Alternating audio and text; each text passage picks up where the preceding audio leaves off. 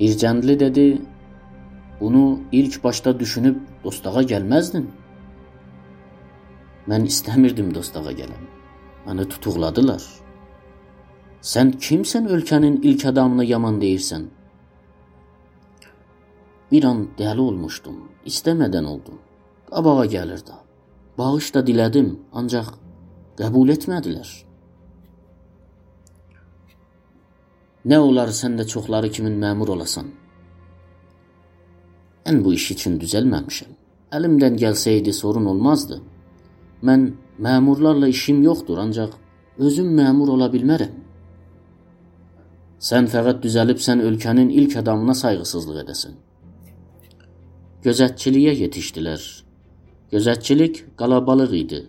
Kabab həm də reyhanla başqa çeşidli göylərin iysi gəlirdi.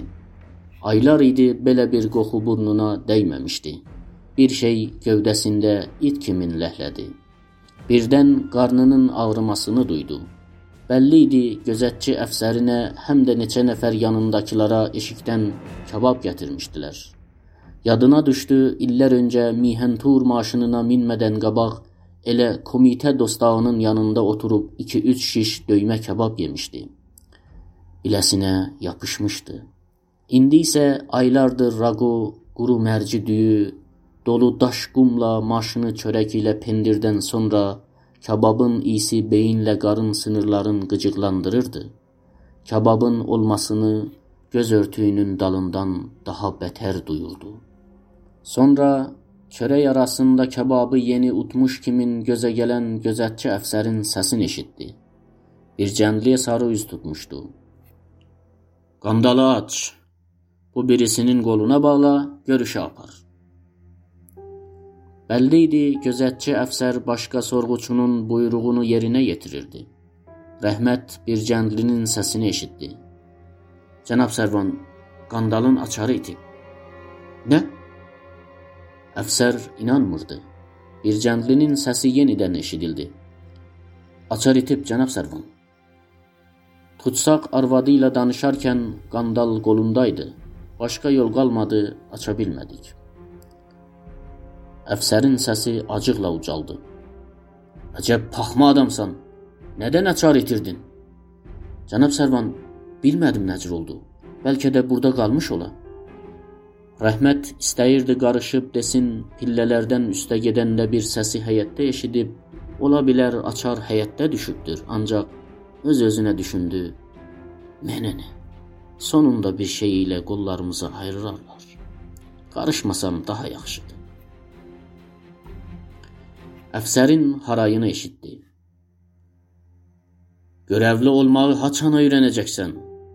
Qandalın açarı itə bilərmi? İrcəndli susmuşdu. Gözətçi əfsər birinə o yan bu yana axtarıb başqa bir qandalın tapmasını buyruq verdi. Sonra da artırdı. Bir dənə simdən zaddan tap bu biri qandalı açaq. Heç kim dil ucu rəhmətə otursun demədi.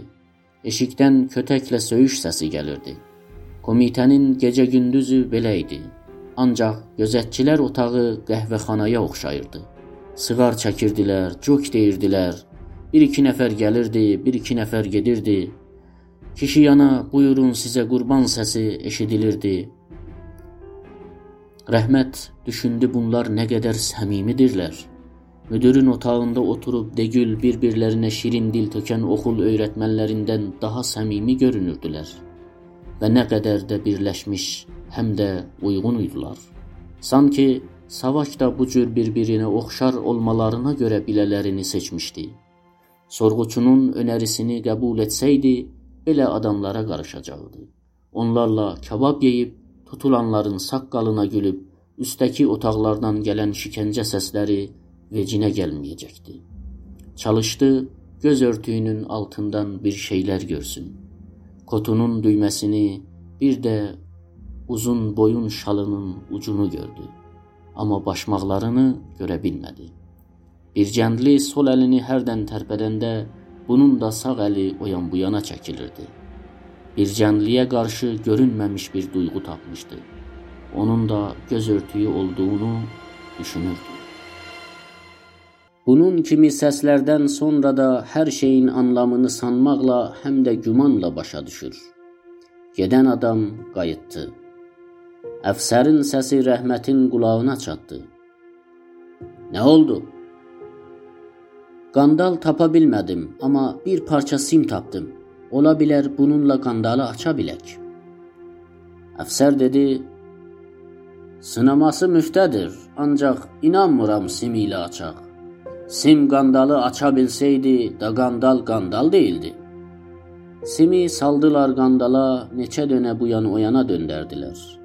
Rəhmət belə duydu, gövdəsində ağrısız amma səsli cərrahlıq edirlər. Bir yoldaşının burun əyinti cərrahlığından dediyi kimi, hər şeyi eşidirdim, yerli keyitmə idi. Gövdəmin buğçuyla kəsilməsini duyurdum, amma ağrım yox idi ancaq sümüyümün sıyırma səsini eşidirdim. Rəhmət də göz örtüyünə görə bir keymə tutmuşdu.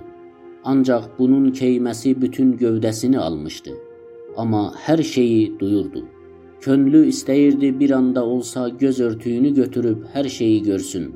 Elə ki bunun varlığını unutmuşdular. Ola bilərdi heç kim bu işini başa düşməzdi.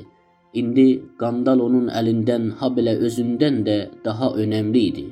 Amma rəhmət ürək etmədi, göz örtüyünü götürsün. Simdən də bir iş çıxmadı. Rəhmət gözü bağlı gözlədi. Qapı açılıb ayaq səsi eşidildi. Ayaqların yerə sürtülmə səsi. Bəlli idi, yeni bir dostaq gətiriblər.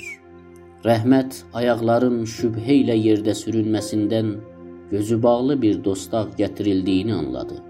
Tutsağın adını soruşdular. Şahrox Hüşəngi dedi.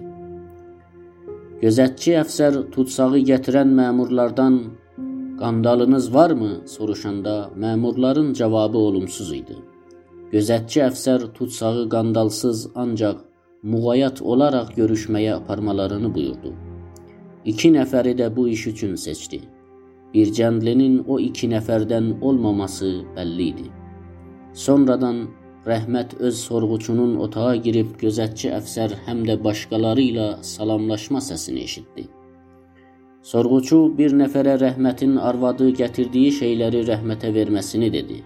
Rəhmət bir nəfərin yaxınlaşmasını duydu. Rəhmətin sol əlini tutub böyük bir əl çantasını əlinə verdi. Rəhmət onu alarkən ağır bir şey olduğunu sandı. Kəsin ilk kəz kimi paltar, bağlava və diş xəmiri imiş. Gözətçi əfsər birinə əl çantasını Rəhmətin əlindən almasını əmr etdi və sonradan sorğuçuya əl çantasının yoxlamasından sonra onu Rəhmətə verildiyini vurğuladı. Sonradan qandalın açarının itməsini sorğuçuya açıqladı. Sorğuçu sanki olaydan xəbərsiz imiş dedi İşim var, getməliyəm. Qandalı açan masalar reisdən məsləhət almalıdılar.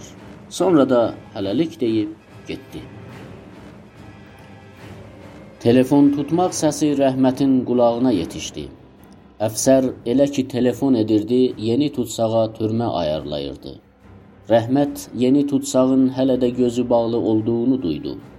Bir nəfər də ona yol qoyurdu. Öz-özünə düşündü, Qəbirin ilk gecəsi kimi çox çətindir, ancaq ilk günü ondan daha da çətindir. Qapı bağlandı. Gözətçi əfsərin səsi telefonun başından gəldi. Cənab Hüseynzadə, salam ərz elədim. Çox təşəkkür. Yox. Önəmli sorun deyil, ancaq kiçik bir sorun qabağa gəlib. Hə, özünüz bilirsiniz. Yox, o çözüldü. Hə, istəyirdim bir kiçik olayı qulluğunuza çatdıram. Hə, gözətçi şəhər adında bir tutsağı görüşə aparmışdı, qandalın açarını itirib. Gecdir də, nə edək? Hə, hə. Timsar Zəndipurla ilgiyorum. Ola bilər incisinlər. Çox təşəkkür. Siz bilirsiniz. Gecəniz xeyirli. Rəhmət Hüseynzadəni tanıyırdı. Bir kişi idi. Daş ürəkli, boyu alçaq, hər zamanda siqar əlində, keçəl baş, yaraşıqlı paltarlar, həm də sinirli gözlər. Sorğuçuların başçısı idi, ancaq rəhmətin sorğuçusu deyildi. Rəhmətin sorğuçusu Senzadənin yanında dümdüz durub dalbadal başqan başqan deyirdi. Gözətçi əfsər indi isə Timsarın telefon nömrəsini tuturdu. Rəhmət Zəndipuru təkcə bir kərə görmüşdü. O da şikəncənin ikinci günündə.